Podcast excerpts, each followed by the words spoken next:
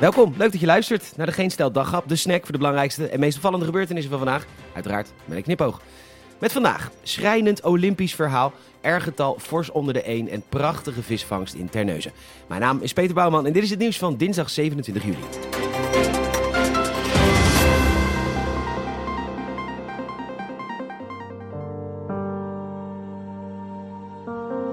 Honger in Oost-Afrika, oorlog in het Midden-Oosten. Maar laten we nu eens kijken naar die andere vergeten ramp.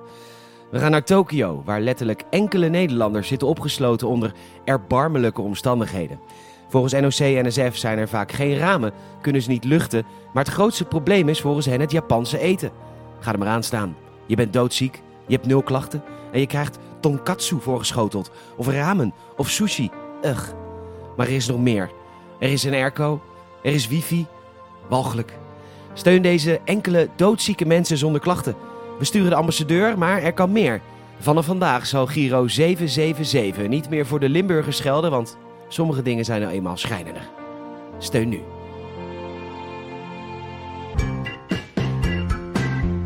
Oké, wij Nederlanders, we zijn best een vervelend volk voor buitenlanders die het genoeg boeit, wat bijna niemand is. We zijn direct, brutaal, schelden als ongeveer het enige volk met ziektes. We zijn net wat langer, niet altijd makkelijk om mee om te gaan. Maar om dan een complot tegen ons op te tuigen op de Olympische Spelen. Van der Poel valt met het veldrijden omdat er een plankje is weggehaald. Een plankje dat er vervolgens bij de dames wel weer is. Vervolgens knalt wielrenner Anna van den Bergen tijdens een verkenning tegen een official op. En nu ook BMX'er Niek Kieman tijdens een training. Ook een official op de weg. Allemaal prima dat afstand houden en de meeste besmettingen sinds januari in Japan. Maar doe dan wel een beetje je best.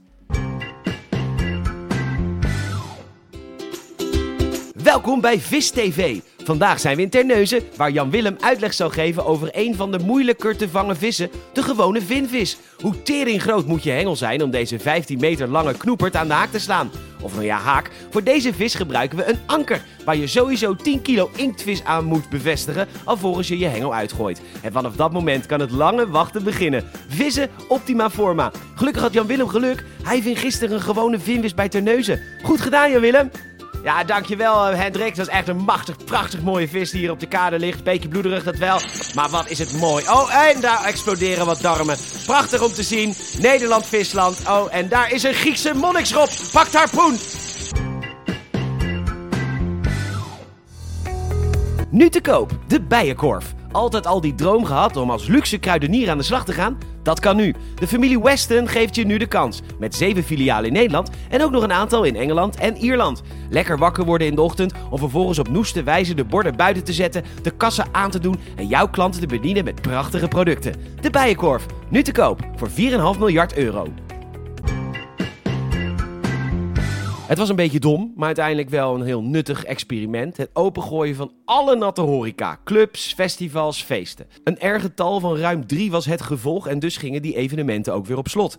De restaurants en de kroegen bleven open en ook de mondmaskersplicht werd niet opnieuw ingevoerd. Het R-getal nu is weer 0,8 en dus daalt het aantal besmettingen rap. Zonder mondkapjes, met restaurants en bars, zonder corona-check-app. Maakt het alles niet minder kloten voor al die mensen die in de clubs en op die festivals werken natuurlijk.